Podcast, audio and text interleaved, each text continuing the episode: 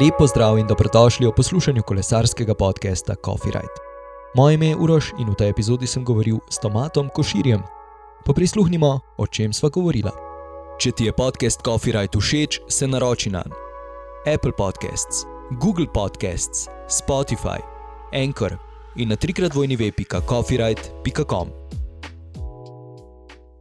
Takole, danes v moji družbi Tomato Košir. Pozdravljen, Tomato. Živijo.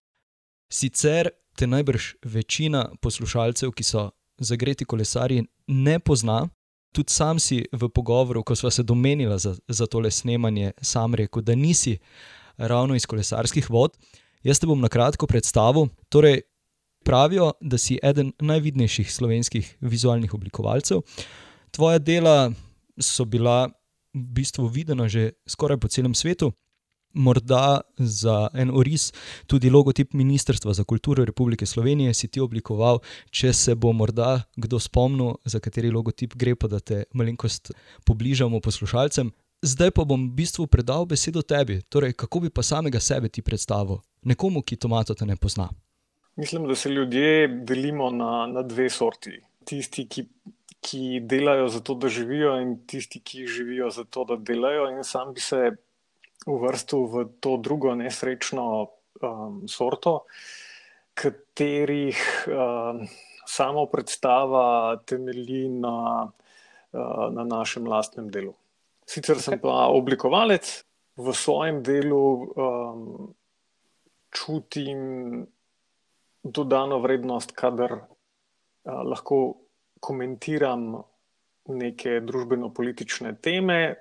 Definitivno je pa moja naloga reševati naročnikove komunikacijske težave. Spiješ med svojim delom tudi veliko kave, si kavo ljubec, kakšno kavo imaš rad, če jo sploh piješ? Mislim, da sem, ko sem začel piti kavo, um, sem začel s čist drugo motivacijo.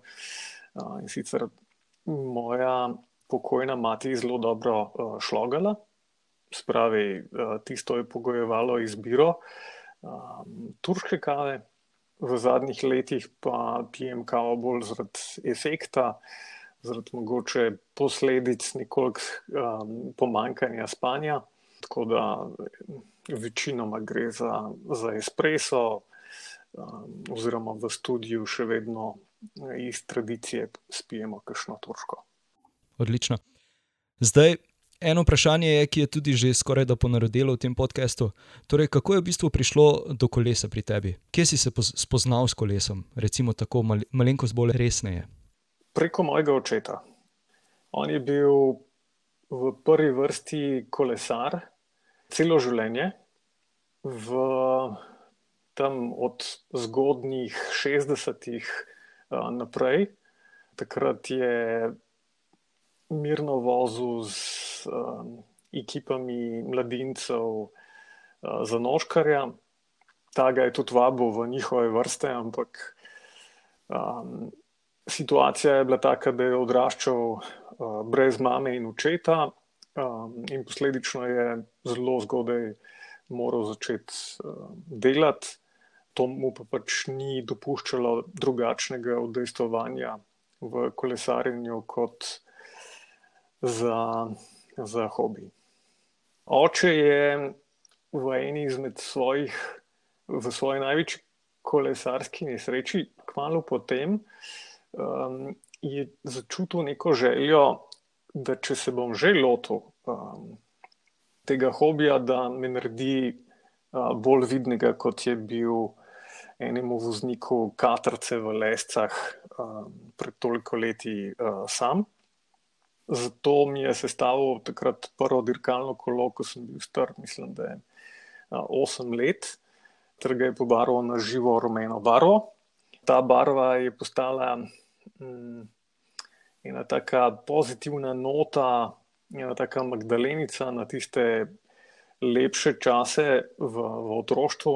Zato sem kasneje, ko sem dobil svoj prvi natečaj tam v srednji šoli, um, si za nami mislil svoje prvo no, novo uh, dirkalno kolo, to je bil takrat uh, Bianchi Vento, uh, 96-letnik.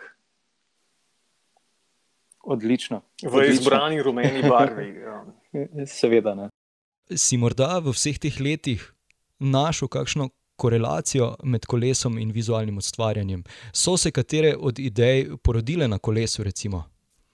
V svojem delu imamo dve fazi. Ena je tista odprta faza, druga je pa zaprta faza.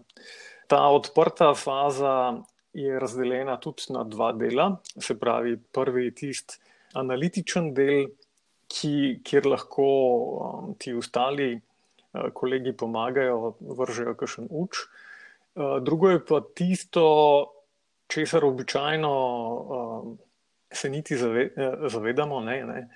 In sicer, ko zadosto obladaš tematiko, takrat je najbolj za nekaj časa pozabiti na to in pustiti delati podzavesti, da tvori um, asociacije.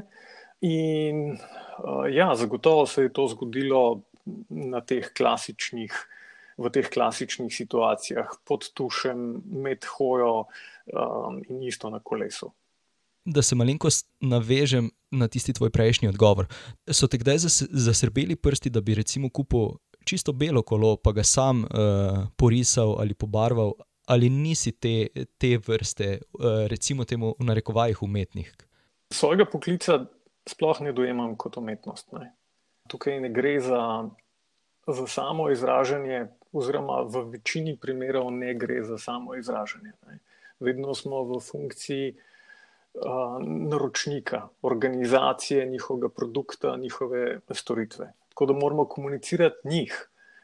Uh, oblikovanje ni likovna terapija, kot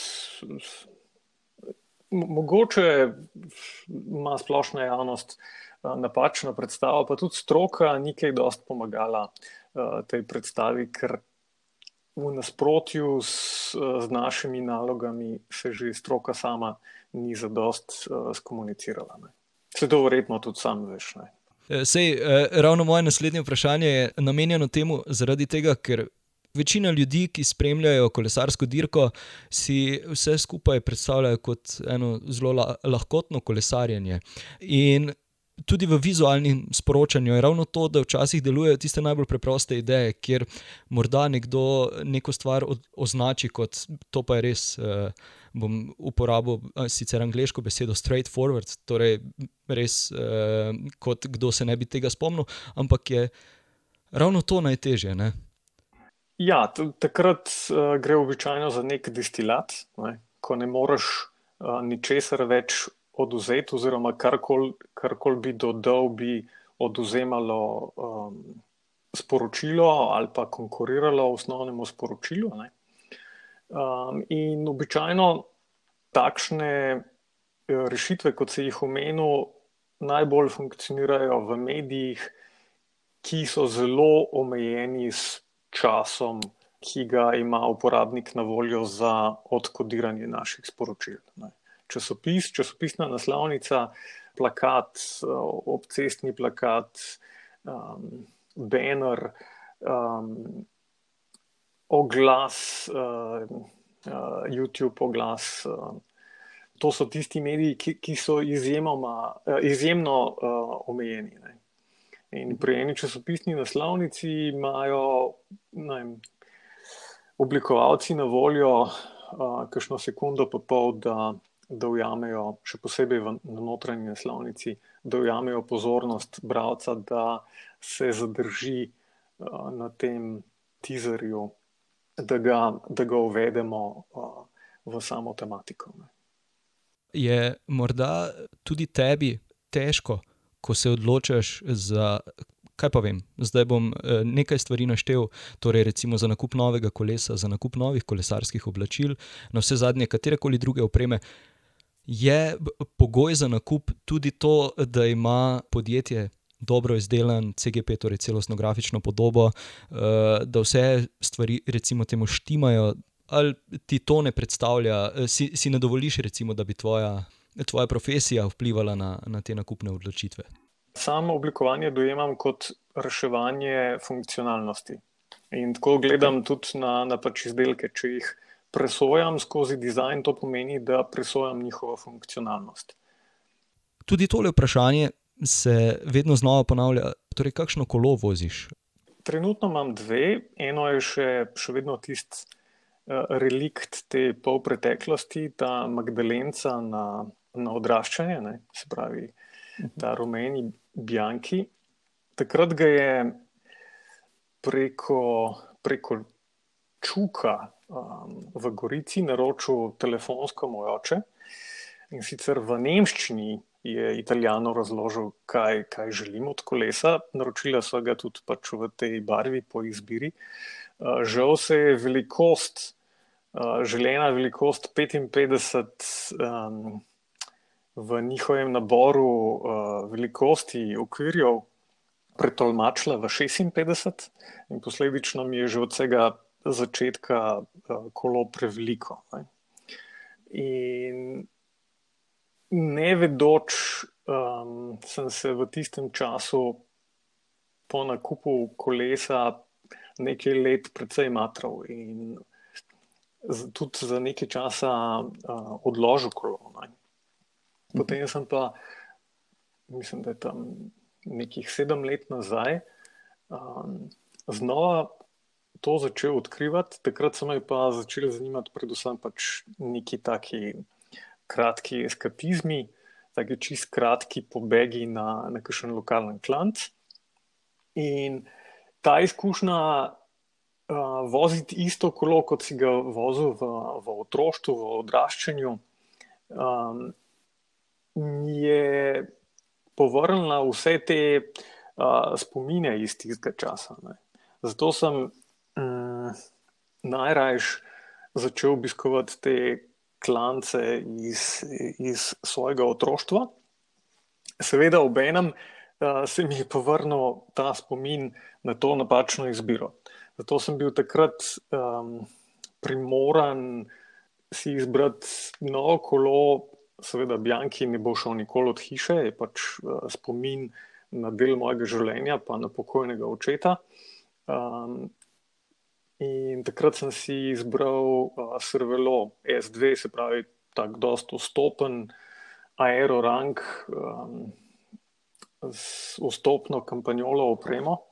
Um, to je bilo pač po želji zamenjeno, zato da sem vstal na kampanjolo, ki mi je uh, bolj ergonomičen, uh, kar se tiče pristav, uh, kot, kot Shimano. In ta, ta servo je, je zdaj tisto uh, osnovno prevozno sredstvo za vse, za moje pobege, kot poti uh, v studio. Odlično.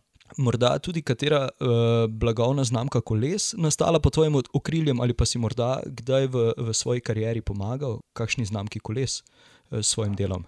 To je ena izmed teh uh, sanskih nalog, oblikovati kaj za aviacijo, za kolesarstvo, za smutanje.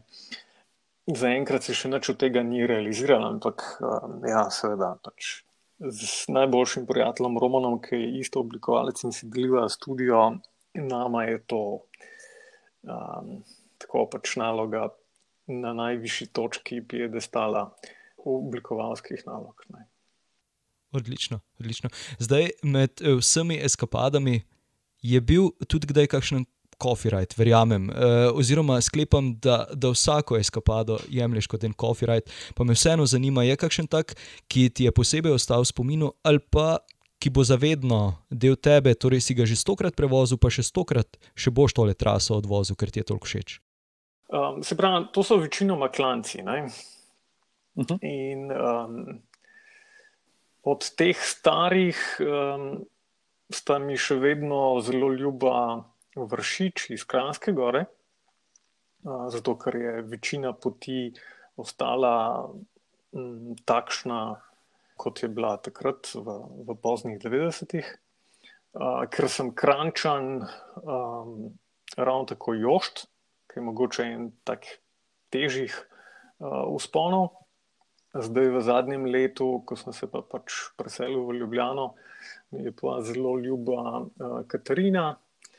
Um, če, če se peljem, um, sem lansko leto dvakrat obiskal Mangard, s katerim, če se ne obremenjujem s to preteklostjo, mislim, da se zelo težko pri nas karkoli primerja. Odlično.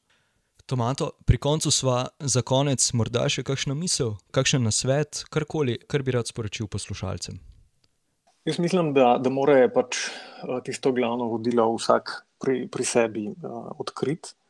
Kar se kolesarstva tiče, um, enim zelo ustreza, da, da si postavljajo cilje, drugim ustreza popolnoma nasprotno, da se, da se ne obremenjujejo kar se dela tiče, smo si tudi um, zelo različni. Predvsem se mi zdi ta verižna reakcija, da skušamo narediti največ po svojih močeh in da ne relativiziramo neke doslednosti pri tem, uh, zelo pomembna. Tomato, najlepša ti hvala za tale pogovor. Ja, hvala tudi vam. Tomatu še enkrat najlepša hvala za pogovor. Mi se ponovno slišimo prihodnji petek. Če želiš Copyright podpreti, odklikaj na www.copyright.com pošiljka Coffee Shop.